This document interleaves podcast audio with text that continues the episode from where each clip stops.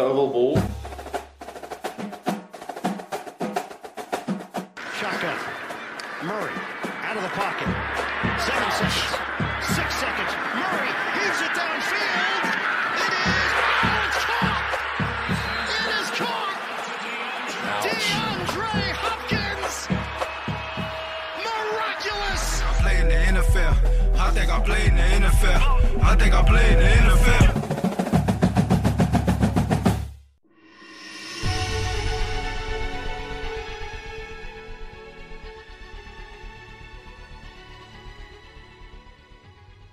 Hjertelig velkommen til Oval ball.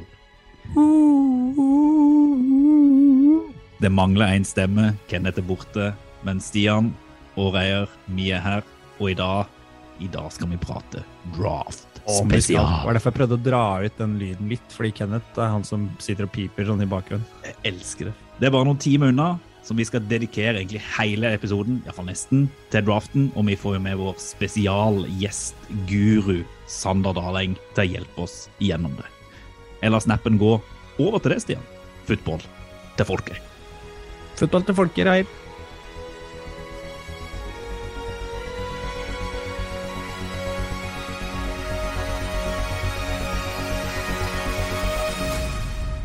Du har vært litt eh, Du har vært litt utro, Stian, den siste uka. Du har hatt et fokus som eh, Mioval Ball ikke setter sånn stor eh, pris på, egentlig. Du har vært på rund balltur.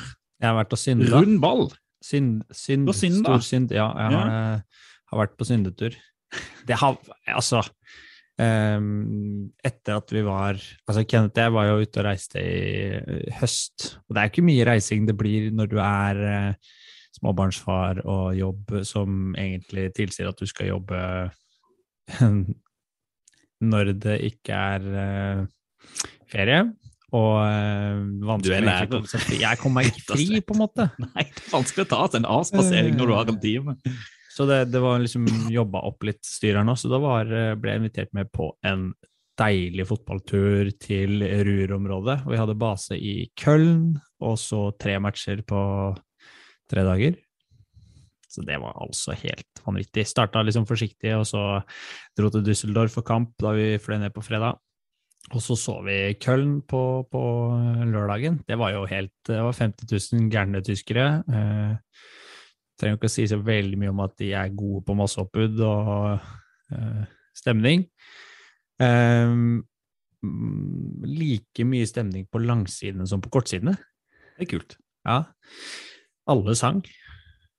Vi prøvde til og med, vi òg. Um, og um, fjerdedivisjonen i Tyskland på søndag. Vet du hvor mange tilskuere som var på kamp i fjerdedivisjonen i Tyskland? Tusen stykk. 1000? Ja. Bra tippa, men du må liksom gange det med jeg tror det var åtte.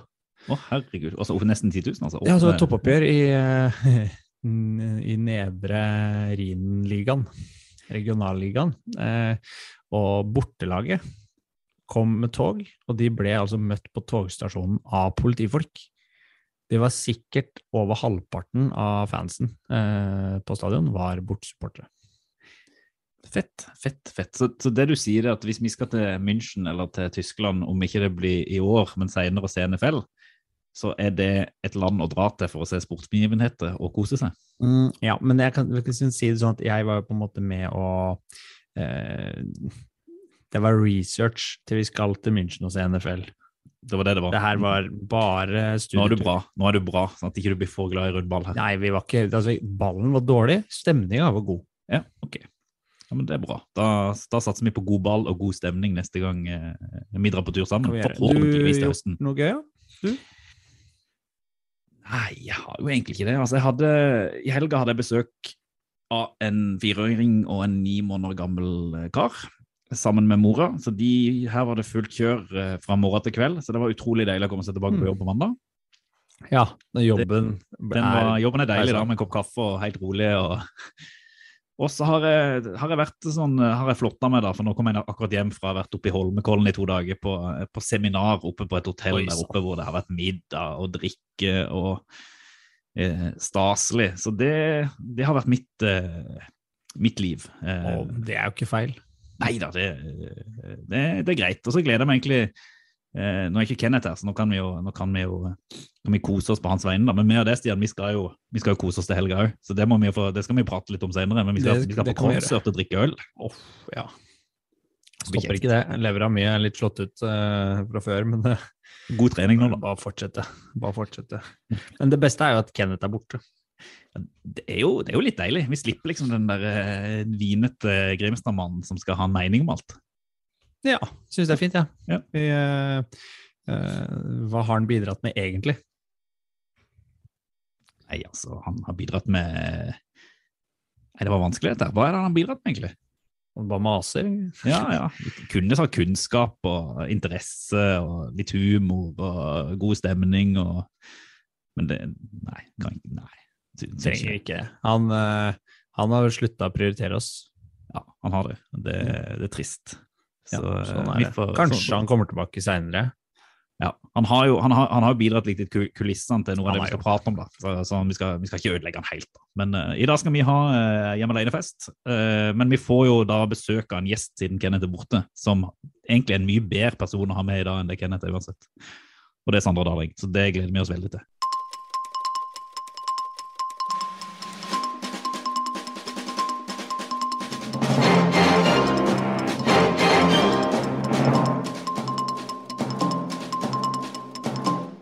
Alt som skjer i NFL for tida, har jo egentlig draften klistra på seg. Men det er jo noen få ting som jeg føler vi må bare prate litt om, Stian, som ikke er draft-relatert, men allikevel ganske viktig. Og vi har jo tidligere prata om eh, den eh, altså låsuten, eller søksmålet, som Brian Flores har retta mot NFL, som nå ser ut som at det er flere av tidligere trenere som har kobla seg på, og der har det skjedd en utvikling, i alle fall, de, eh, den siste tida. Ja, etter sigende fra The Athletic. Han var jo litt inne på den saken eh, i forrige episode for øvrig, om hvordan den saken har blitt bygd ut med flere, flere medsaksøkere. og nå har, og The Athletic da rapporterer om at NFL vil hva heter det, de vil flytte saken egentlig ut av rettssalen og til megling i utgangspunktet isteden.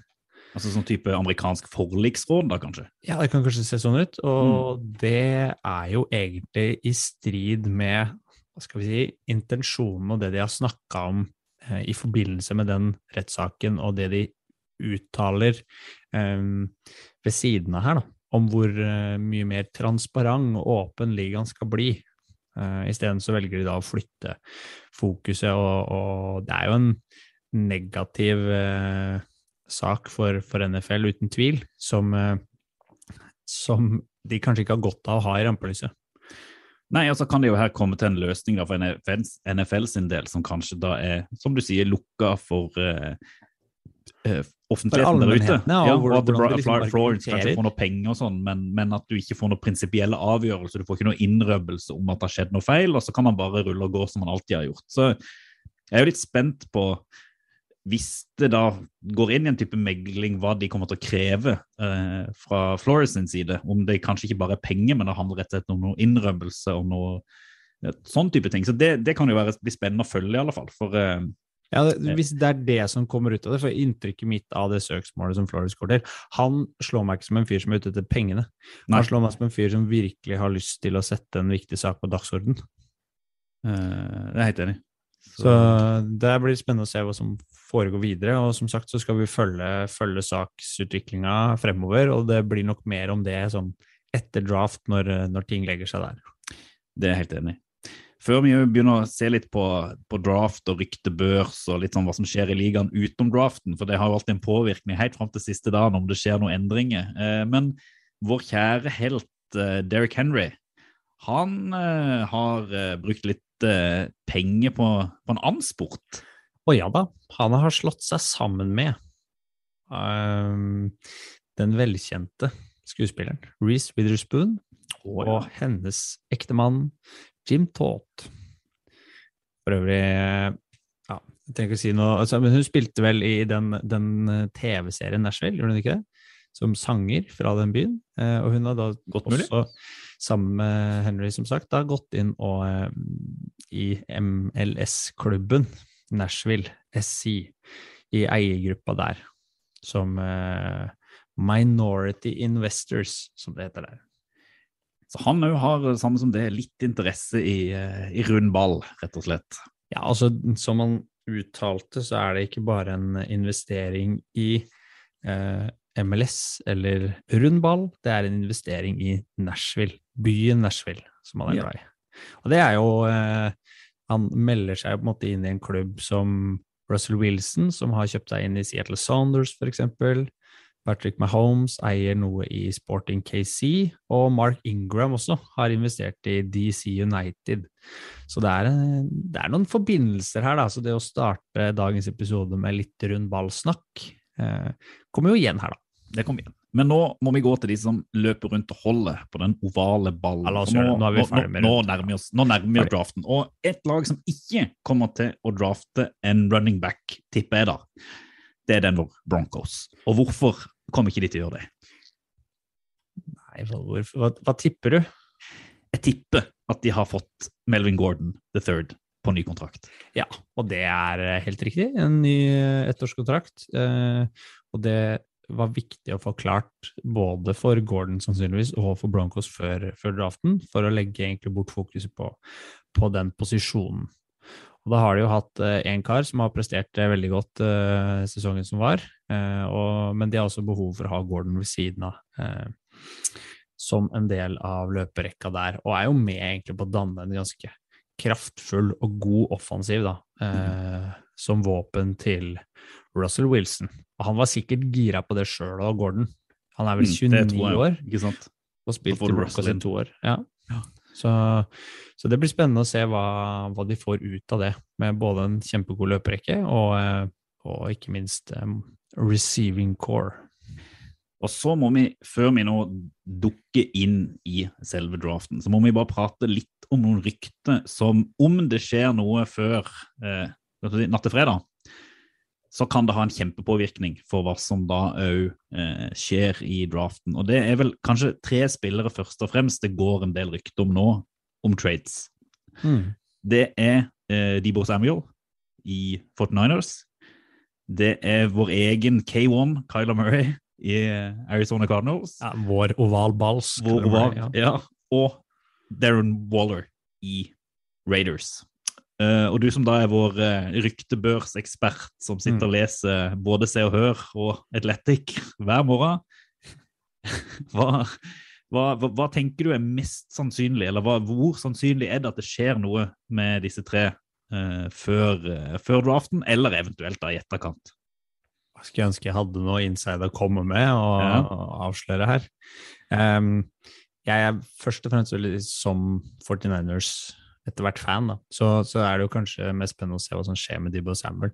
John Lynch er jo veldig sånn pragmatisk og også litt sånn tilbakeholden med hvordan han uttaler seg, altså eieren i 49ers Mhm. Enterprise. Em, og vil ikke uttale seg tydelig om liksom, spillerens situasjon og detaljer i det, men er veldig tydelig på at han aldri kan se for seg å gå til noen andre spillere enn Divo Samuel, eller ha noen andre i den rollen som han har, da, for han er for Mm. god. Mm. Han er den beste i ligaen. Så der har det vært rykter om f.eks. New York Jets, som har plass og og både pengemessig og eh, i stallen, ikke minst, Mm. til en sånn spiller. Og det hadde jo vært konge det for Jets-fansen, tenker jeg, å få han inn. Og så er jeg spent på om dette er bare et pengespørsmål, eller som vi har vært inne på, han som vil brukes annerledes. Det snakka vi jo litt om i forrige episode. Mm. Eh, samme var vi jo litt inne på Callum Murray da også. Det har fortsatt ikke skjedd noe der før draften, men vi har jo noen lag som trenger quarterbacks, og så er jo spørsmålet om, om noen er villig til å gi nok for å hente inn han, og om Cardinals helt at er villig til å, til å slippe han, da. For han har jo tydelig uttalt at han er misfornøyd, han også, som Dybo Samuel er. Mm. Og den, det ryktet du nevnte med Darren Waller, er vel kanskje det som har minst hold sånn i utgangspunktet, men også der har det vært nevnt, og var vel også oppe på nfl.com at det var meldt om uh, muligheter mellom Packers og Raiders, han der som skulle flytte. Men Derek Carr eh, uttalte at det aldri kom til å skje. LOL, sa han vel, til og med. Nei, nei. Det er iallfall et tegn på at Packers er på jakt etter en uh, erstatter. Fra, Og det vet vi jo, det er Ja. ikke nytt. Det er jo ikke det, men de vil kanskje ha noe litt mer erfarent enn uh, noe de kan plukke, f.eks. i første runde uh, i, eh, i draften. Ja, og nå kan vi vel også anta at Baker Mayfield kanskje blir eh, værende som eh, Brown-spiller, i hvert fall over helga. Ja. Eh, så får vi se hva som skjer eh, deretter. Spennende, spennende, spennende. Eh, men nå tenker jeg at vi må eh, ta en liten eh, pust i bakken, inn, og så, når vi er tilbake, så har vi med oss vår O store raft-guru Sander Daling. O store. O store.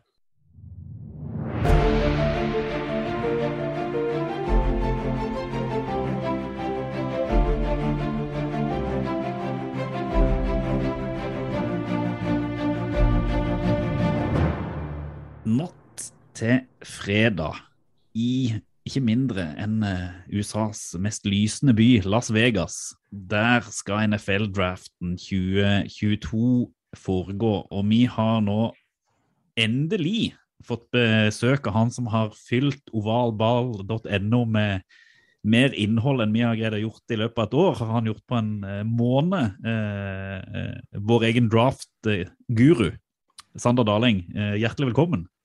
Ja, tusen takk. Godt å være tilbake igjen. Det er veldig godt å ha deg her òg. Ja, det var kjempefint å få bytta ut Kenneth med deg i dag. Ja. Det var uh, helt på sin plass å få inn en litt annen, annen Flinkere. dialekt. Ja, ikke sant? Og med mer kunnskap. Så det er akkurat sånn det skal være. Mm. Uh, og du, du, har jo liksom i løpet av, perioden hvor ikke det har skjedd sånn kjempemye i NFL, det har jo egentlig det, da, for det har vært så mye trades og eh, free agency og greier, men du har liksom fylt oval ball med masse rankinger på de ulike posisjonene, og så avslutta du bare med liksom nå blir jo dette her baseball, men homerun med den draftguiden din for 2022 som vi la ut, som fikk eh, ganske god oppmerksomhet, ikke bare i vår redaksjon, men ute i NFL-miljøet, hvor du har Altså, det virker jo som at du, du har jo skrevet ei bok. Ja, det ble, det ble nesten sånn. Eh, det tok kanskje litt mer tid enn man hadde sett for seg i starten òg, men eh, jeg ble, må si jeg ble ganske fornøyd med, med utfallet, eller med produksjonen til slutt. Og det syns jeg du skal være. Det var imponerende stykke arbeid. Eh, har du liksom anslag på, på time, timelista her? Hva du kan fakturere oss på? Jeg tror ikke jeg tør å begynne å regne på tida jeg brukte der. Det,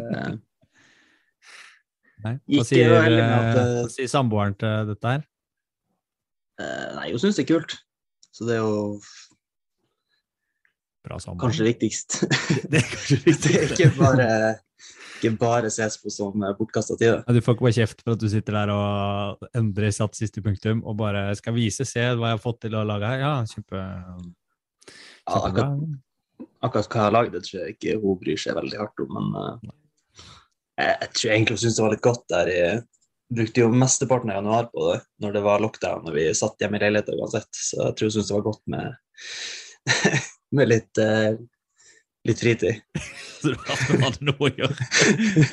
Eh, men, men litt sånn, sånn seriøst, for det jeg lurer litt på Når du, eh, sant, for, for oss litt sånn uinnvidde som nå begynner å få litt innsikt i draften og liksom skjønner ok, vi, man, man, man kjenner til de, de på toppen. altså Hvordan er det du hvert år hvordan er det du begynner dette arbeidet? altså Hvordan er det du starter denne guiden? Hvor, hvor tidlig er det du begynner å, å kartlegge eh, spillere? Er det spillere du allerede har fulgt i flere år? eller altså, Hvordan er liksom metodikken din? Um, nei, I år er kanskje første året jeg begynte å gjøre litt underveis på høsten. Bare for jeg merka i fjor når jeg gjorde at uh, jeg fikk ikke sett på de spillene jeg har lyst til. fordi at hvis jeg begynte fra scratch i januar, så, uh, så ble det sinnssykt mye å gjøre.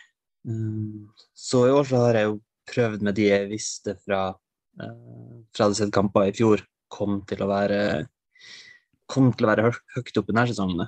Um, så få et sånn ganske bra blikk på dem før, eh, før sesongen var slutt, og så bruke litt tid etterpå bare på å være helt enig med sjøl hva jeg har sett. Og, men sånn, sånn helt sånn, skulle jeg si sånn praktisk, hva, hva er det du gjør da? Sitter du på YouTube og ser kamper, eller, eh, eller, altså, eller ser du på, på spillertape, eller hva er, du, hva er det du bruker for å kartlegge disse tingene du, du gjør? Leser du mye om de? Hva, hva er liksom metoden din? Nei, det er jo å se. Prøve å se sjøl, da. Uh, klare å danne et så bra blikk som mulig uten at jeg leser hva andre folk mener om det. For da blir man jo gjerne ganske ganske farga før man ser dem spille sjøl. Og så er den største utfordringa er jo egentlig at det er veldig vanskelig å finne Så hvis man ser eh, på GamePass da, og går tilbake og skal se tidligere NFL-kamper, så finner du det som kalles uh, All 22-film, hvor du ser hele banen og alle spillerne. Men det er veldig, veldig, veldig vanskelig å få tak i på college. Så man må jo på en måte dykke langt inn i YouTube og uh, eh, ESPN-playeren for å på en måte finne det man trenger. Så det er nesten på, like mye jobb, ja. det. da. Nettopp. For det, du må høre, hvis du, hvis du, Vi kaller deg noen ganger for vår Daniel Jeremiah, på et vis. Men han kjører jo en egen podkast sammen med Bookie Brooks, modistikk, som vi har snakka litt om her flere ganger. Og, og, han har jo også vært litt inne på sin metodikk, da, men jeg antar liksom tilgangen hans til både råmateriale og personer og få tilsendt ting, er jo, er jo, litt enklere enn for deg. Så, eh, men det er jo likevel kult å høre at du, du har på en måte litt den samme tilnærminga når, når, du sitter og ser og, og søker det opp sjøl, og danner egne meninger om spillerne. Og det tyder på at du har ganske god peiling på, på hva som kreves i ulike posisjoner, og er flink til å se spillet og, og har holdt på med det her en stund, da, og begynner å bli ganske rutinert på, på hva du skal se etter altså er man ikke helt det heller, da. Så det er jo noen eh, Det er jo ikke sjelden at man må gå tilbake og finne ut Nei, hvordan ting man ikke ser eller forstår. Eller... nisjen vi holder på med da, i sånn norsk målestokk, så er jo det her utrolig gøy at man kan sitte og, og synse, og om man treffer eller bommer er på en måte ikke det viktigste, men du lærer jo ganske mye i løpet av, i løpet av den prosessen. Og det gjør vi som sitter og leser og, og snakker med deg om disse tingene her òg, da.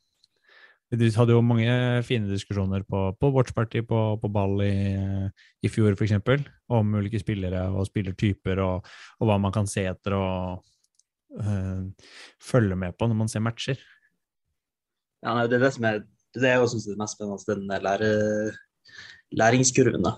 Det er jo, syns jo ja, hele amerikanske fotballen er veldig, veldig spennende. Så man lærer jo masse hele tida, på en måte. Ja, for å snakke for meg sjøl, så, så, debuterte jeg vel til draften i fjor, eh, sånn ordentlig. Og skal vi si, det, er en veldig bratt læringskurve. Eh, og, men så stopper det litt, ikke sant? fordi du, du har på en måte skaffa en oversikt som duger til å kanskje følge med på din to første rundene. Og så er det vanskelig å holde tunga rett i munnen og få tid nok til å se ting. Og så er det du som har liksom fylt 250 sider med, med spillemateriale og sett så mange detaljer som ikke vi lekfolk er i nærheten av. Altså, lurte på, for det er, jo, det er jo ikke så mange som driver på med dette her i Norge, men det er, det er jo noen altså, Er du i dialog med noen når du jobber med dette, eller er det liksom ditt verk, og det er du som sitter og, og, og gjør alle vurderinger og, og sånn? I hovedsak så er det jo meg sjøl, på en måte, men uh, vi prater om Hedlys, da. Prater ganske ofte med han hvis det er spillere som enten lurer på uh, ja, diverse, men han følger jo med college-fotballen veldig tett, så han vet jo en del mer om på en måte hverdagen deres enn det jeg gjør. Når, så det er en veldig lett måte å spare seg tid og bare spørre han hva, han, uh, hva han vet. Så er det jo, det er jo andre òg som titt og stadig kommenterer og chatter og om spillere, eller ja, bare det som skjer, på en måte. Mm. Så blir det en sånn indre monolog, vet du, Reir, med er ikke freudiansk med tanke på sånn, sånn superego og ego og under- og over-jeg og sånn? Er det ikke det man driver med? Nå sitter jeg i podstudio her med to, to lærere, så jeg sikkert bare nikker og smiler og sier ja, ja, helt sikkert riktig det. du må, må nevne at det, så, eh, det ble publisert i den Facebook-gruppa om uh, å vise college-sluttball på VGTV. Og det var jo helt sinnssykt bra respons. Mm. Så det er jo tydelig at det er mange der ute som, uh, i Norge som følger mer med på college-fotball enn det jeg gjør til vanlig. Men for å, for å ta steget vekk, eller ikke ta steget vekk fra, fra draftguide, men kanskje ta steget vekk fra hvordan du har jobba med draftguiden, til å kanskje diskutere litt innholdet i den, eh, så lurer vi jo litt på når vi nå går framover mot draften. Eh, eh, og her vil vi egentlig høre dine meninger, ikke på en måte hva du tror er riktig, men hva du sjøl mener personlig, litt ut fra det du har skrevet. Og, og hva er det du, altså, i draften nå, hva er det du gleder deg aller mest til? Og her kan du egentlig, altså, Dette kan være alt. Hva er liksom det du ser aller mest fram til? Eh, nei, det er jo egentlig sånn som draften ser ut nå, så er det jo når spillerne faktisk går. Uh, Prata med en eh, kompis her om dagen om at uh, hvis vi treffer på én på mockdraften, så er vi egentlig veldig fornøyd. For at det føles så uh, Det er så mange variabler som bare kan svinge hele greia vekk. Eh, så eh, veldig sånn Veldig det, det. Stort, da, så blir det jo bare når spillerne faktisk går av. Mm. Og kanskje da Personlig så er jo quarterbacksene det mest spennende. Så det er jo når Jeg ser jo noen som ikke tror at det går noen i første runde, og noen som fyller inn fire, fem, seks. Så det er jo Ja, jeg, sånn, sånn som man kan lese draften som står seg i år, kan du, kan du prøve å forklare den litt om eksempel om du sammenligner den med fjorårets, da? Som, som mange sikkert husker hadde spesielt mange elitespillere, eksempel. Hvordan er, er det nå? Uh, ja, nei, den er jo ganske ulik uh, fjoråret, egentlig, med tanke på at det var uh, fem kubis var det vel, som gikk topp 15, og det var ganske Mm. Det var mange som ikke trodde at de kom til å felle ut av topp 10 engang. Uh, så det er jo først og fremst en lettere draft å spå, og veldig prega av kubisene, og det vil man jo se helt motsatt i år. Da. Eh, vanskelig å spå hva, hva lag gjør, og kanskje til og med ingen kubis topp 20 engang. Og så kan det, kan det, hvis jeg har forstått det riktig, både på det du har skrevet og det andre mener og tror, da, eh, at det kan være litt At de beste spillerne kanskje ikke er like bra som, som de beste i fjor, men at dybden i ulike klasser er kanskje mye likere og større. Så man kan si det sånn at det er flere spillere på omtrent samme nivå i hver eh, posisjon, uten de Ja. store toppene. Ja, det er jo Ja, denne klassen i år er veldig, veldig, veldig dyp. Uh, du finner fort startere langt ned i fjerde og femte runde som du ikke hadde vunnet i fjor, da. Uh, Men, hvor, men Altså- de kunne eksempel vært typ siste runde i fjor, da. Uh, hva uh, Altså hvis en, en eh, som kanskje går i femte runde i år, kunne han gått i syvende runde i fjor? Nei, heller motsatt, kanskje. At Ja. Har det gått tidligere? sånn som jeg forstår ja, Mm. i år som ville kunne snekkes inn i andre og tredje runde i, i fjor, da. Mm. Eh, det er jo Men, selvfølgelig posisjonsavhengig, men, eh, Mm. men ja. Det er nok en del av det. Du, nå, har jo du lagd, en draftguide som ligger ute, og det kan jo, jeg vet ikke om du har endra mening eller noe, men hvem, hvem er den beste altså den beste spilleren i årets draft, etter din mening? Nei, jeg mener det er Aiden Hutchinson eh, som er den eh, beste. Eh, og sånn som du nevnte i stad, Stian, så tenker kanskje at den topp seks-gruppa i år ikke nødvendigvis er så langt unna toppen av tidligere drafts. At det er ganske det er sek, Jeg mener det er seks veldig gode spillere eh, i toppen av draften i år. Eh, der Aiden, Aiden Hutchinson er, er den beste. Mm. Eh, og hvis du, altså Nå skal vi prate litt om mokk og sånn senere, da, men eh, nå, nå er det, jo, det er jo litt uenighet, eller det har vært litt uenighet om hvem som går først. Men i din mening, sånn, eh, siden Aiden Hutchinson er den beste, tror du han kommer til å gå først? Nei. Um, så, sånn som det ser ut nå, så går jo Trevor Walker først. Uh, og jeg tror til og med det er større sannsynlighet for at uh, Ekwano går foran Hutchinson. Ut ifra det det det virker som. Så er det jo at uh, at Trayvon Walker er ønsket til uh, da, GM-en til uh, Jags. Mens uh, hvis eh, Doug Peterson, som er den nye headcoachen, får velge, så velger han Ekwane. Så det virker nesten som at Hutchinson er helt, helt av der. Og, men hva er, har, hva er det som har skjedd der i, i perioden? For det har vært en periode nå på noen uker hvor Hutchinson har vært nesten førstevalg på alle mokker man har sett, og så har Trayvon på en måte tatt Virker som han har tatt sånn trappetrinnsteg eh, oppover. Eh, hva er det, hva, altså sånn, for oss som ikke kjenner så godt, hva er det som skjer da i liksom NFL-miljøet når disse tingene skjer? For da har man jo sett egentlig combine, og man har vel men allikevel så, så skjer det sånne, sånne endringer. Er det pga. samtaler med spillerne? Er det rykte? Er det Vet du hva, hva det liksom grunnene til disse ting beveger seg på ryktebørsen så tett opp mot draften? Det er jo mm, mm, eh, Når det kommer til Trayvon Walker, da, så er jo den utløsende faktoren er vel combine. At uh, han uh, trente helt sinnssykt bra der og demonstrerte at han er jo Han er jo en freak, uh, rett og slett, fysisk. Og så om det er medieskapt, eller om det er blitt lekka at da han GM-en til Jaguars er veldig glad i den med store, lange, kjappe, sterke spillerne foran en spiller som Hutchinson, da, som jeg egentlig mener ikke så veldig langt unna fysiske eh, kvalitetene til eh, Walker. Men så har det jo eh, kommet ut på en måte og etablert seg i, i det hos da de store hva kaller dem NFL-influenserne.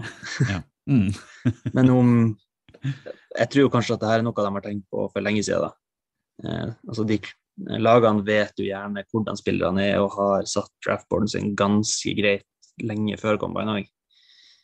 Men at det først er media som får snappa det opp jo nærmere, nærmere draften man kommer. For nå har du vel sendt hjem coachene også, nesten fra, fra eh, pikkrommene sine. Eh, hørte jeg også rykter om.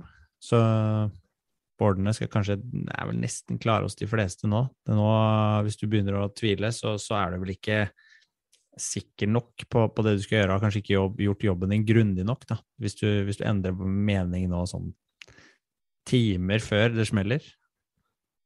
Ja, det, man har jo sett at det skjer òg. De som tar beslutningene i de lagene, ikke kanskje har den tankegangen vi tror og forventer dem har. At de kan ta det litt, eh, litt med vinden over det av og til. Så det er jo, det er jo veldig spennende hva Jaguars faktisk kommer til å gjøre. Ja, for Man har jo sett tilfeller på at noen har latt den beste spilleren gå eh, for å ta noen andre. Eh, vi snakket, har jo snakka litt om det valget med Jefferson, som, gikk, eh, som Vikings fikk plukka fordi det var vel Eagles som hoppa over den. Eh, og de satt overraska på, på draftroom og bare sjokkerte over at de lot han, lot han gå. Og kan vi få noen sånne scenarioer i år òg, tror du? Jeg tror kanskje vi får flere av dem i år. Ja. Uh, med tanke på at det er så mange Det er så mange spillere som er litt i samme på samme plass da, eh, på draftboard. Sånn. Du får sikkert kjempestore forskjeller fra lag til lag. Mm. Uh, og det er det som kanskje også er litt sånn Eller det som gjør det litt vanskeligere med eh, sånn som f.eks. når jeg ser på spillerne, er jo at jeg dekker jo eh, ser jo på dem helt uavhengig av hvilket lag de skal til. Mens for lag som har veldig Eller egentlig alle lag har sin egen defensive og offensive scheme, så vil de kanskje se på spillerne helt annerledes. da. Ja, da snakker vi jo liksom en helt annen type kaninhull å dykke ned i, hvis man skal sitte med den kunnskapen der for hvert dag om detaljer i spillet og hva de foretrekker på ulike, ulike posisjoner for å fremprovosere ting hos motstanderen osv. Ja, da snakker vi jo en eh, Da snakker vi et helt annet spill igjen. Da jobber du ikke som lærer i norsk skole, da jobber, Da jobber du der. i NFL. ja. Da, da, jobber, du, eh, da jobber du i NFL, altså. Og så lurer jeg på om du har noen tanker, for det synes jeg er litt spennende med, med disse mokkene. det at Vi sitter, jo, vi sitter der og mokker, så har, vet man hvilke lag som er på hvilken plass, og så skjer det jo alltid noen trades. Altså Det er noen lag som kommer til å, å finne ut at «Ei, vi, vi er nødt høyere opp, eller vi har egentlig ikke behov for dette, dette pikket. Vi kan se om vi kan hente noe for det. Eh, Har du noen lag du kanskje har et ekstra fokus på, som du tror kommer til å trade seg oppover for å hente et eller annet? Eh, Er det noen lag som skiller seg ut, eller er det jo litt sånn tilfeldig, eh, tror du? Altså, jeg tror vi kan, hvis vi velger bredt nok, så blir vi jo å finne de lagene som eventuelt trader seg opp. Eh, Steelers har jo hatt som en sånn åpenbar eh, trade-up-kandidat hele, hele vinteren. Mm. Bare fordi at de trenger en quarterback. Laget ser ganske bra ut, men eh, de, tre de trenger en quarterback, rett og slett. Og så ser man jo lag som Eagles og Saints, eh, Chiefs og Packers med, med kapital da, til å kunne gjøre det. Mm. For det er jo dessverre for noen lag så er de jo begrensa at de ikke har midler til å kunne klare å trade seg opp der. For det er noen lag som ikke har noen førsterundevalg i det hele tatt, f.eks., og som har ganske dårlig med, dårlig med valg. Hvilket lag tenker du står svakest foran draften nå? Sånn rent når det kommer til antall valg, så er jo Rams uh, helt klart der. Uh, men av de lagene som på en måte har mer behov for de valgene, så er jo Bears f.eks. Er, jo- er jo der, da. Uh, for Rams har jo liksom en annen type policy på hvordan de har henta spillere de siste åra. De har jo brukt opp uh, draftpicksa på å trade til seg heller mer etablerte andre typer spillere. Men Bears vet jo liksom ikke hvor du har noe. Nei, ikke sant. De mangler jo offensiv linje, de mangler receivere. De mangler fortsatt litt på defense til at Det er klart, Hvis Justin Fields treffer noe, så er de jo én sesong unna og kanskje kunne få gjort noe skikkelig, da. Men uh, at de skal på en måte få gjort veldig mye nærdraft, det De trenger å treffe, i hvert fall. Det er helt sikkert. For, for apropos det, altså, nå har du jo nevnt Bears, da, men hvilke lag er det du ser som kanskje har mest press på seg nå i, i, i draften? Altså, hvem er det som må egentlig treffe på de piksene de, de har, for å, å bygge det laget som fansen og eier og alle, alle forventer? Eh, kanskje i tillegg til Bears? Nei, da tenker jeg Packers først og fremst. Mm. Eh, med Aaron Rodgers-kontrakten som eh, nesten tvinger dem til å trade bort uh, Devante Adams og de har, de har jo prioritert pengene på han, da. Eh, så de er veldig avhengig av at de treffer på de to første rundepicksene sine i år for å kunne få gode startere på billige kontrakter. Mm. Og spesielt de trada bort både Vante Adams, og du mista vel Scanting også, så, så receiver-gjengen er jo spesielt eh, svakt der, og våpna til, eh, til Rogers, som det handler om. da. Det er Cobb vel som er igjen. Ja, det er, det er veldig tynt, det. Så så er jo Med han GM-en de har nå, da, så har de jo aldri gått for en receiver i første runde. Så det er jo mange som tviler på om de faktisk kommer til å gjøre det i år òg. Mm. Så det er jo veldig spennende å se hva, hva som kommer til å skje der. Kan det være de trader ned? Fordi de tror den om- receiverrekka er, eh, er såpass bra? Nedover er jo så dyp, da. Jeg vet ikke hvor mange picks de har lenger nede. Jeg vil tro at eh, så lenge de har andre runde, eller godt med andre og tredjerundevalg, så vil jeg tro at de kanskje velger på de valgene de har, eventuelt trade seg oppover, til og med. Ja. Men, eh, ja, det kan jo være. De, Mm. Jeg Men det- vi har elleve i år. Ja, ikke sant? ja, Men det er jo mange som har argumentert for at, at akkurat i år så bør de ta en receiver i første runde, for det handler ikke, det handler ikke bare om, om liksom tak taktikk, det handler jo litt om å vise at de er seriøse til fans og til, til folk der ute, at de, og ute til Aaron Rodgers, at de ønsker å hente de beste.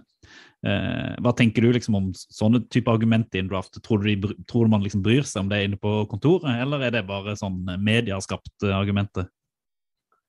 Jeg håper de bryr seg. Jeg ser for meg det kan bli ganske uggen stemning der hvis eh, de går ut av draften med f.eks. bare å ha tatt én receiver i slutten av andre eller i tredje runden. Mm. Både fra, ja, både fra fansen og fra Rogers også, som har jo vist seg å være Kan være litt sutrete på eh, Hvis de ikke gjør som man vil, da. Eh, Ja, og det, det er jo som du er inne på, at de må levere. Og så var vi inne på Bears, og sammenlignbart så har jo de sitt førstevalg som nummer 39. Ja. Eh, er det første Bears får velge, og de har bare seks stykker de får plukke også. Så, så Packers har jo veldig presset på seg, og de må jo levere med de nesten, om ikke alle elleve, så ikke så veldig langt unna, i hvert fall, om de skal få igjen noe for uh, gamblinga de gjør, da, med å Mm. trade bort uh, ligaens beste receiver. Ja, nei, helt enig. Men eh, så er det jo sikkert noen lag jeg vet ikke om man skal si kose seg da, men det er noen kanskje draftrom hvor de kan lene seg litt mer tilbake og ha beina litt mer på bordet, kanskje jekke en liten øl og tenke at dette her, dette er ikke så viktig for oss. Altså Hvilke lag er det kanskje draften ikke er så viktig for, for i år, eller hvor de iallfall kan kanskje trade seg ned og ikke har det presset på seg? Eh, hva tenker du, Er det noen lag du tenker på der? Ja, det første tenker jeg er jo Lions. Hvis eh, Hutchinson ikke går hjem, så kan de jo bare ta han og så lene seg tilbake, og så er det ikke helt sinnssykt viktig hva de får til ellers. Eh, eller kan ta de beste spillerne tilgjengelig på hvert eneste valg og bare tenke at det er fortsatt noen år til de skal vinne. Eh, dessverre, men eh, nei, hvis eh, Hutchinson ikke går igjen, så eh, burde Lions være fornøyd nesten uansett. Mm. Eh, Og så tenker jeg også at Chiefs burde kunne få en veldig artig draft. Eh, De trenger for så vidt å treffe, men de har veldig mye draftkapital og kan, kan manøvrere seg litt sånn som de vil, tror jeg. Jeg blir ikke sjokkert om vi ser en veldig stor Chiefs-trade i første runde. Kult. Eh, og altså sånn, sånn helt på slutten når man, man, man, man, eh, man tenker draften, hva, hva er liksom det Nå har du kanskje sagt det da med Hutchinson til Lions, da, men sånn, hvis vi ser bort fra den, hva er liksom det ideelle draft-pick i første runde, hvis du skulle peke på et sted hvor du bare tenker at dette her er så hånd i hanske?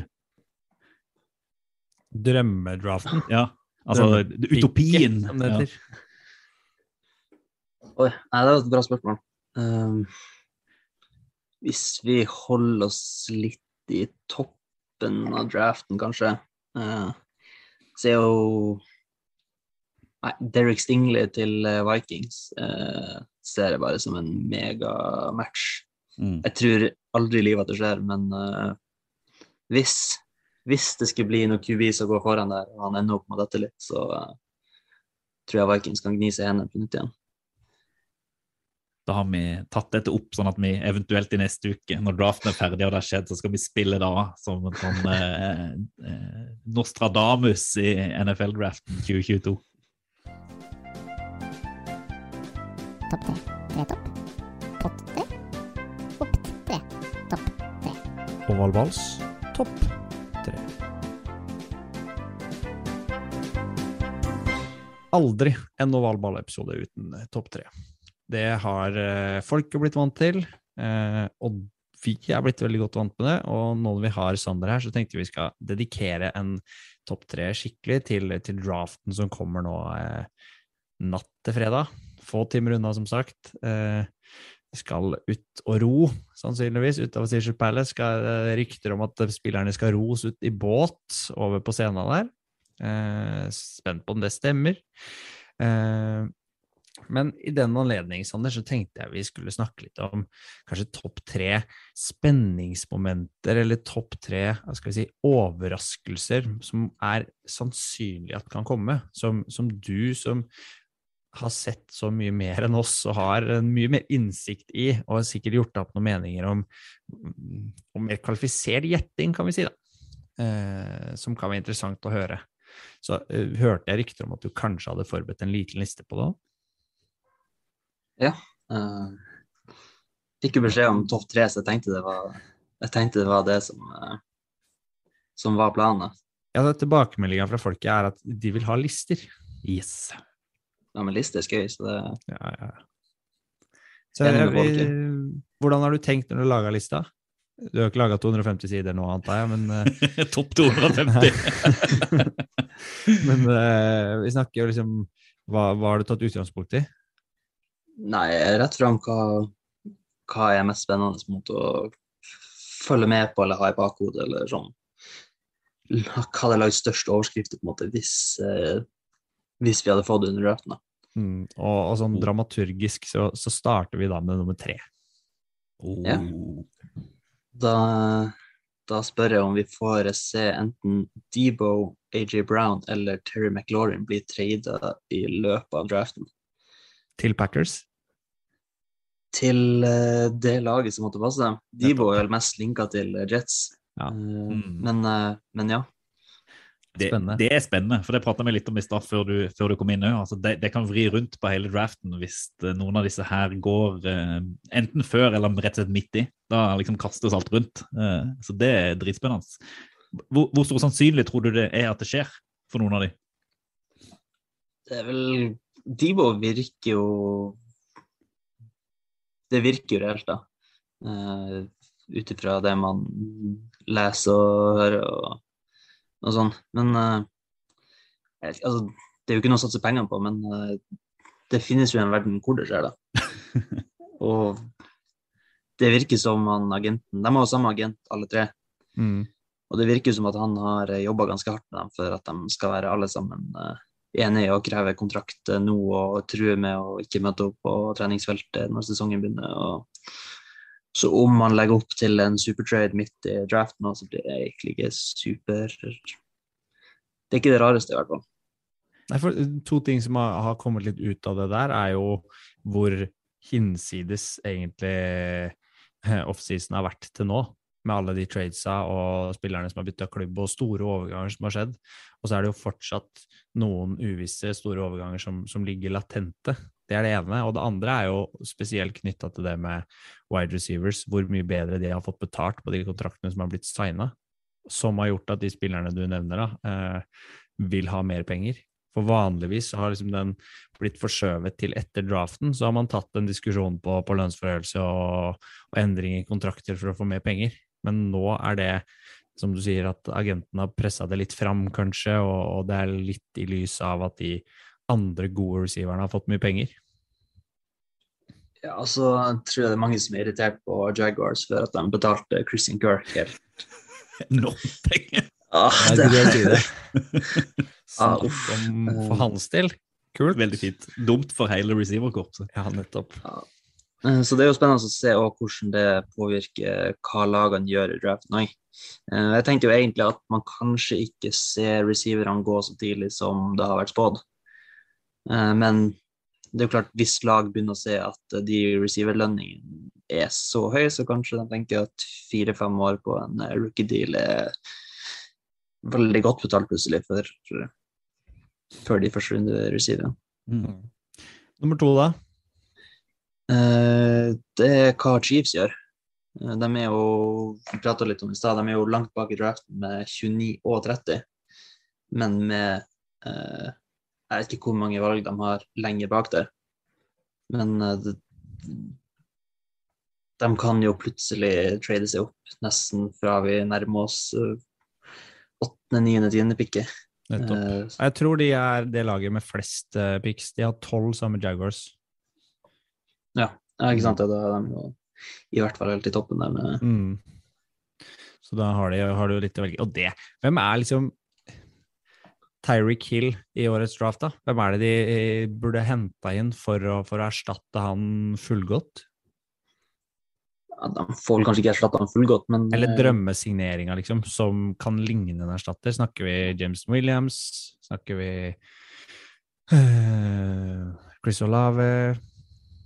Ja, jeg tror det er de to du nevnte der som er tror det er de to du nevnte der som er de eh, drømmesigneringene deres, hvis man kan si det. Mm. Hvis de får kloa på en av dem, så har de truffet ganske godt. Tror du de tenker at de må, må trade opp for å, for å eh, få den VR-en de, de eh, vil ha? Sånn at de, de er på en posisjon med så mange valg at her kan vi faktisk trade opp for at vi skal få velge den receiveren vi vil ha. Og så ser de liksom an hvor det er mulig, og hvor høyt de må trade for å gjøre det. Ja, det tror jeg fort du kan se, er at de, eh, de tenker det. Og når de har eh, samla så mye valg som de har gjort det, så virker det som de er litt forberedt på å skulle kunne gjøre noen eh, manøvreringer. da. Eh, Så har de jo, det er jo en veldig sterk roster, og med Patrick Mahomes og Kelsey så vil de jo på en måte alltid være, være med, da. Så de er jo ikke avhengig av å av å velge tolv spillere. De kan jo fint kvitte seg med fire av dem for å Ja, fordi de vil ha. Ja, og så har de jo Nå ljuger jo Andrew Reed litt eh, før, før draften, når vi snakka om det i forrige episode, at han sa seg jo ganske fornøyd med å ha med Cole Hardman og ha eh, Juju Smith-Schuster, og eh, sistemann i rekka er vel eh, Scantling, som vi snakka om i stad, som er Ja. inne i, i Chiefs. Um, vi tror vel ikke helt på at han eh, er fornøyd. Nei, det, nei den kjøper jeg ikke heller, altså.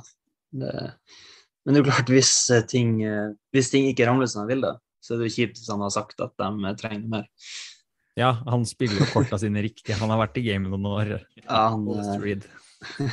Ja, men det, da, skal man, da skal man ha et ekstra øye på Chiefs eh, eh, natt, til fredag. Og så den O store førsteplassen, da, Sander. Hva er det du mener er det største spenningsmomentet eller potensielle overraskelsen eller, eh, i, eh, i årets draft? det er vel kanskje litt åpenbart det nå, men det er jo når, når får vi se at kubisene går? Og hvor mange av dem er det som går? Eh, og der er satt opp eh, noen lag som jeg tenker er naturlig å, å knytte til det. Da. Og da er det jo Panthers, Steelers eh, og Seahawks kanskje som er de tre mest sånn åpenbare hvis jeg skulle satt noen penger på det. Eh, men så har du jo også, jeg tror, jeg tror Titans i slutten av første er en eh, kandidat til å hente seg en QB, med tanke på at eh, er Ryan Tannehill er vel faktisk 34 år eller noe sånt. Ingen alder, da. Snakk for deg sjøl. Ung, Ja, han, er, han, er, han er ung fortsatt, men eh, ja, men de kan uh, bli ikke sjokkert hvis de finner en som kan sitte bak han i en sesong, og så, Mm. og så kvitte seg med han. da. Og så har du også uh, Saints er jo litt joker, uh, selv om de har vel linta litt til at eh, at det ikke nødvendigvis er QB de er ute etter, at eh, James Winston er fyren. Og så er det jo lag som Lions og Texans og Falcons som fint kan gå det, men jeg, der tror jeg Jeg tror ikke at vi får se QBs til eh, i hvert fall eh, Falcons og Texans, da. Det er dypere rebuild at de blir å, Vente et år. ja, og ta de, de beste spillerne som er på brettet når Så klart, hvis Texans har Malik Willis sagt, og han er der på 13. valget, så kanskje, Kanskje. men eh, Mm. Og så er det noen jokere i da, Vikings og Commanders som plutselig kan glimte til. og Jeg ser for meg hvis, Vikings ikke får Stingley eller Jermaine Johnson, så da er det ikke utenkelig at de eh, faktisk tar en QB. Og tror du Commanders, selv om de har henta verdens beste quarterback i Carson Wentz, eh, er, ikke, er ikke det liksom å skyte han rett i beina hvis du henter en eh, QB i, i første runde? Klart Han har jo verdens svakeste syke òg, så eh, Ja. det spørs vel om det blir litt krise hvis de gjør det. Men eh, jeg, jeg, jeg syns det vært det har vært morsomt hvis de hadde hvis de hadde gjort det, men eh, ja. Uff. Eh, men, men hva tror du sånn, altså din vurdering, og hvis du da tenker, ikke, ikke din mening, men hvis du liksom ser på hva du tror er sannsynlig, hvor mange quarterbacks tror du går i runde én? For jeg har på en måte nesten tenkt meg at det kan godt være at ingen går, sånn som situasjonen er, for det er så mye gode spillere i andre posisjoner. Men tror du det går noen, og eventuelt hvor mange? Ja, jo, jeg tror det, det må jo gå noen quarterbacks. Det gjør det jo på en måte hvert år uansett. Uansett hvem som er, som er der, da. Um, jeg, tror går, jeg tror det går tre stykk. Uh, ganske sikker på at Malik Willis går. Uh, faktisk ganske sikker på at Matt Corell også går. Uh, han var jo han var en av de quarterback, eller en, en av to quarterbacks som er invitert til å, eller som har takka ja til invitasjonen til å være fysisk til stede under draften. Ja. Så ser ser jo for meg at de har gjort litt research. Eh, det er jo gjerne en fyr som har, eh, har som jobb å finne ut hvor langt spillerne eventuelt kan falle. Det. Så at det er et uh, f.eks. Titans som har sagt at eh, han passerer ikke 26, så det går bra. Inviter han, liksom. Mm. Eh, Så er det typisk da hvis eh, Ridder eller Pickett eller Howell går. Men eh, Spennende. Men det jeg foreslår da, da er vi jo på en måte over i, eh, over i det som vi kaller for ukas anbefalinger. Så hvis vi spiller av en kjapp jingle her nå, så hopper vi fra topp tre til nettopp den spalten. Det er det beste jeg har hørt. Dette er gøy. Det der, det er fett. Oval ball anbefaler. Vi er jo blitt så uh, høy på oss sjøl i Ovalball at vi fortsetter tradisjonen med å anbefale våre egne ting. Og det Kenneth sin idé. Kenneth sin idé, men nå er det heldigvis ikke bare våre, da. Det er jo fordi vi har Sander på besøk òg. Fordi at i tillegg til at uh, Sander har jo lagt ut uh, ja, skulle jeg si flere romaner om draften på vår nettside, så har vi òg nå, hvis du går inn på ovalball.no, enten på forsida eller trykker på draften 2022 litt sånn oppe på sida, så har vi lagt ut både Sander Daling sin siste mock, altså 3-0, og Oval Ball sin siste mockdraft 3-0, som da er vel de vi kanskje begge står med nå, før draften skjer natt til, til, til fredag. Og det vil vi jo veldig gjerne anbefale til folket der ute, for vi mener jo selvfølgelig at uh, vår er fasit. Jeg tipper at Sander mener at uh, hans er fasit. Uh, og det interessante er, noen, noen takes må jeg jo spørre deg om, for jeg skal ikke nekte for at det er jo mest det av Kenneth Stian som har lagd vår. Og eh, tipper Sander har eh, sett deg sammen, og du, har- du har lagd din alene. Over alle- under jeget. Under, ja, jeg har, jeg har vært med. Eh, men det interessante er at allerede på den første plassen så er dere uenige. Så eh, Stian, du, du får begynne. Jeg vil bare vite hvor, eh, hvorfor, har du valgt, hvorfor har vi valgt det vi har valgt på nummer én? Eh, Det er fordi vi mener at den er eh, best, og at eh, Jacksonville ikke er eh, dumme nok til å hoppe forbi. Uh, og da er jo det også basert på de ryktene og, og det som har vært trenden hele, hele veien. Og hvem er det? det, det ligner jo på det samme som i fjor, da, uh, hvor førstevalget var klart lenge. Uh, selv om det var, begynte kanskje å mumle litt om noen tvilstilfeller mot, når det nærma seg draft day, så har vi satt opp Aiden Hutchinson, som vi snakka om i stad, fra Michigan, som er edge. Og edge 1 hos eh, de fleste eksperter, også eh, hos vår eh, draft-guru Sander Daling. Men Guru, du har ikke satt opp Aiden Hutchinson som nummer én på din mockdraft. Uh, nei, jeg kjøper, jeg kjøper helt ryktene på at uh, det Den Traven Walker-hypen har uh, dratt han helt opp, helt opp eh, på første, første valget. Eh, og sånn som jeg nevnte tidligere, så tror jeg faktisk at Ekwane òg kan gå der foran Hutchinson. Dessverre. Eh, og For å fortsette litt med, med, med det, for det er en av de tingene som er jo det gøyeste i, i mockdrafts eh, og Vi skal ikke gå gjennom alt, men det, så det er jo bare å gå inn på ovalball.no og lese. Det er jo quarterbacks. Og her òg er jo eh, vår eh, mock og Sander sin mokk ganske forskjellig. For eh, i, altså, på hvilken plass og til hvilket lag og hvilken spiller er det som går eh, først av quarterbackene hos deg, Sander? Det er Malik Willis til Steelers, men ikke på 20, men helt oppe på femteplassen. Eh, la oss si at jeg tøffer meg litt, og så trader de seg opp og, og tar han der, da. Så håper jeg at eh, Nei, det hadde vært kult hvis de gjorde det på ordentlig òg, altså. Og Stian, vi, Vi har jo akkurat det samme, det har bare det samme. uten traden. Vi tenker at quarterbackene faller eh, såpass langt ned, vi. Eller jeg, jeg skal, hvis jeg er smart, så sier jeg at Kenneth tror alt dette her som, som blir nevnt. Og hvis det blir feil, så er det greit. Og hvis vi treffer på noe, så er det selvfølgelig min eh, Er det du som har gjort det? Nei, jeg, det- igjen, quarterbackene snakka vi mye om i fjor fordi de var så i utgangspunktet mye bedre. Eh, så kan det godt være at eh, potensialet og, og eh, det ligger litt lenger inne hos, hos de gutta her, men jeg tror Steelers kan sitte trygt i båten og vente på en og, og velge først av quarterbacks på 20. Eh, og for å bare fortsette litt den quarterbacken uh, i, i denne her, så, så har jo uh, vår mockdraft, altså Oval Ball sin, har én quarterback til som går i første runde, mens du har to til, til Sander. Hvilke, hvilke to andre er det du har, Sander, som du tror går? Jeg har Matt Corell til Titans. Den, den øya der tror jeg blir å dø på. altså. nevnte, ja. ja. Den, det, jeg, jeg ser det så for meg at jeg må bare Jeg står i det til, til de drafter noen andre. Så. Eh, og så har jeg eh, her har jeg sagt at Seahawks da trader seg inn til eh, 32 og tar eh, Desmond Ridder. Og det er jo interessant, Stian, fordi at Desmond Ridder har jo mye vår mocker. Mm. På 32. men til Detroit Lions. Ja. Vi droppa litt trades, da. Uh, for å ikke gjøre det for komplisert for, uh, for Kenneth. Så, så lot vi det ligge.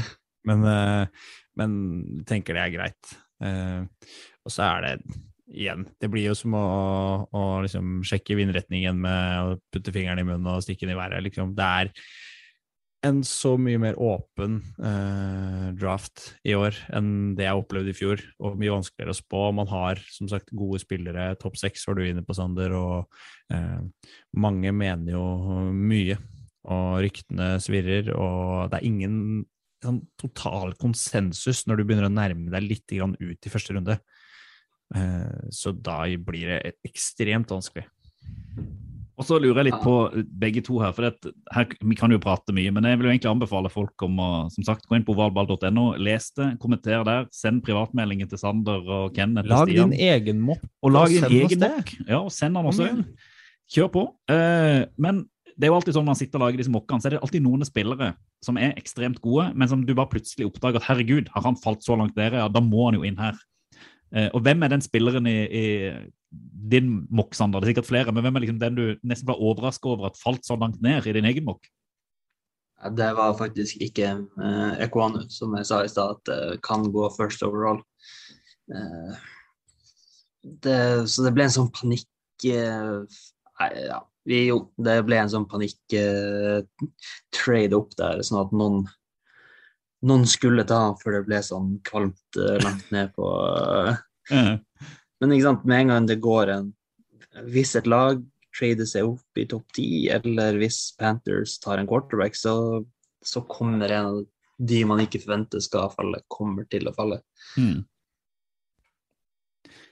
Og, og du, Stian, hva, hva tenker du om eh, vår mokk? Eh, hvem er den største fallende overraskelsen?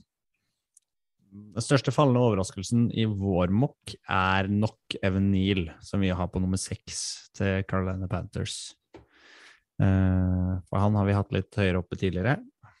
Men sånn generelt, da, så er syns jeg det også er litt interessant hvordan Kyle Hamilton har eh, stadig falt på, på alle smokker etter å ha vært nesten eh, fleres eh, førstevalg. Eh, så så der er det også spennende hva som skjer, da, for det er jo tydelig at potensialet er der. Og så spørs det hvor mye de leser av de skal vi si, dårlige testresultatene han har gjort. da. Mm. Og aller siste spørsmål, bare av litt interesse. Eh, hvem er VR1 hos deg, Sander, og hvor går han? Og når? Um, det er S, ja, det er Gareth Wilson som, eh, som er min VR1 på 13 til, eh, til Texans. Mm. Og Stian? Som er ja. Mm. Nei, for, forklar. Hvorfor, eh, hvorfor ikke før, eller hvorfor så tidlig? Nei, det er jo akkurat det, det er senere er de fleste andre mokker uh, wide receiveren. Men uh, jeg bare har en veldig ja, god og ikke minst stor magefølelse på at de går senere enn de tror, Mm. rett og slett. Ja, vi landa på en litt annen, fordi vi diskuterte litt hvem som og, og hørte litt hva som kanskje kan være trenden de siste åra når det gjelder hva man plukker av da. Og så er, har det sett ut som det har vært de gutta som har stått for big place, som det heter. Som gjør liksom store, ville ting. Og der har kanskje i våre øyne eh, Eller ikke kanskje, han har skilt seg ut i våre øyne. Jameson Williams fra Alabama. Eh, med den hurtigheten han har, og, og evnen han har til å rykke fra spillere, den tenker vi kanskje kan være avgjørende for at noen tar han først. Og derfor satte vi han på åttende valget da, til Atlanta Falcons. Og Ja, det, ja. ja. Kjør, kjør på, Sander. Ja, nei, for det har jeg også sett mange plasser. Jeg tror jo eh, Jeg tror jo kanskje egentlig at Falcons tar en receiver. Jeg bare håper det på en måte ikke for, eh, for deres del. At de eh, tar en av de gode defensive spillerne og kan bygge opp uh, det angrepet senere i draften, eller på noen andre måter. Mm. Det var et trigger tror- happy i fjor, da. Og tok Ja, eh, de, litt samme type, om ikke samme type spiller, så i hvert fall en uh, wide receiver slash uh, tight end. Ja, og sånn sett hadde det vært dritkult hvis de hadde gått uh, Jameson Williams eller Gareth Wilson på Det hadde vært perfekt match med Kyle Pitts der, og Ja. en vanvittig kul trussel å følge med på i sesong. Ja, og jeg tror hvis han hadde vært skadefri, så tror jeg jo fort hadde Men jeg er litt redd for den skaden blir å droppe han, eh, droppe han litt nedover. Det er med andre ord ganske spennende hva som skjer eh, natt, natt til fredag. Eh, for de som ville lese begge mokkene, de ligger selvfølgelig ut på ovalball.no. De ligger jo, de, Om ikke de ligger der, så blir de iallfall lagt ut på, på Twitter og andre sosiale medier, så du kan se de der, eh, der også. Så gi oss gjerne innspill, og gjerne kom med applaus når eh, draften er ferdig, eller eh, kom med hån om vi bomma totalt, både, både oss og, og, og Sander.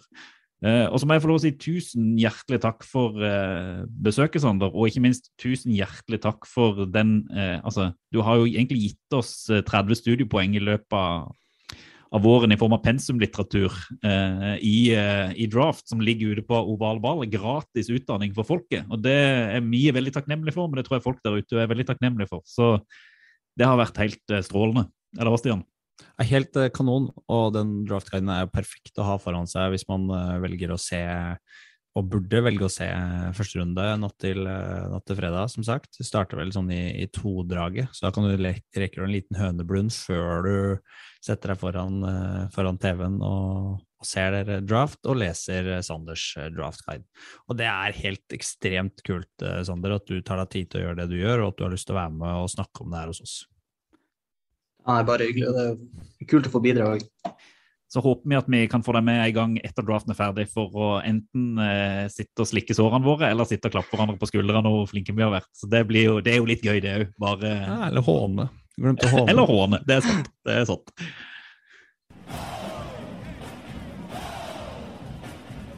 Ovalball. Fotball til folket. Når eh, den gamle mannen er borte, så er det så godt å ha med en ung mann med kunnskap og innsikt, sånn at uh, Overskudd. Vi, vi, overskudd. så vi hever nivået i ovalball et par-tre hakk. Eh, så det var helt strålende med Sander. Jeg tror det ble uh, Jeg syns det var kjempeinteressant, og det håper folk der ute òg syns. Å få et litt sånn overordna innblikk i, i draften uten at man går fullstendig ned i kaninhullet på podkastnivå. Og så har vi kaninhullet liggende på vår nettside for de som har lyst til å stupe nær i det. Så eh, Nå er det jo-. Det er for folket. Så hvis du hører dette, så sitter du sikkert og hører det enten rett før eller kanskje rett etter draften. Så enten så kommer fasit, eller så sitter du med fasit. Så jeg håper jo at det hørtes bra ut uansett. Satser på det. Uh, vi skal jo uh, Du og jeg får jo tid til på, på lørdag. Da møtes jo vi på, Mm. på Oslo, Stortu, Oslo Storstue. Yes. Spektrum. Ja. Vi skal på konsert. Eh, og da har vi jo fått med oss hva som skjedde første runde. Og jeg er, jeg må si jeg gleder meg mer og mer nå. Og spesielt den, når vi har drevet med den siste mokkinga og hørt nå med Sander om de synspunktene han har, og, og måten han tenker om, om draften, og, og hva som er spenningsmomentene. Nå gleder jeg meg skikkelig. Og så kommer vi tilbake, vi håper jo neste uke, hvor vi skal få sitte og ja, enten slikke sår eller klappe hverandre på skuldrene eh, over hva vi har tippa og hva vi har tenkt, og oppsummere litt da. Egentlig de tingene vi har diskutert, altså spenningsmoment, og overraskelse, hvem som har vært bra, hvem som har vært dårlig, eh, og sånn. Så det, det gleder jeg meg litt òg, å bare få lov å prate litt ut om, om fat, eh, fasit eh, når den eh, foreligger. Eh, Da kan, da kan vi få en litt sånn mm, artig topp tre-spalte igjen, Og- tenker jeg. Det jeg skal gjøre, som i fjor, jeg skal finne de spillerne med de gøyeste navnene. Det er noe jeg koste meg aller, aller mest med i fjor. Ja, Der var det gøy. Så den, den kommer nok kanskje opp igjen til eh, neste episode. Perfekt. Der. Da er det bare å sove ut eh, fra nå og frem til eh, draft day, eller draft night for vår del, og lade opp med storfilmen Draft Day med Kevin Costner. Som alltid. Nei, strålende. Takk for nå. Vi eh, prates, ja, ja. med. Snart. Få timer. Ja, ja, ja.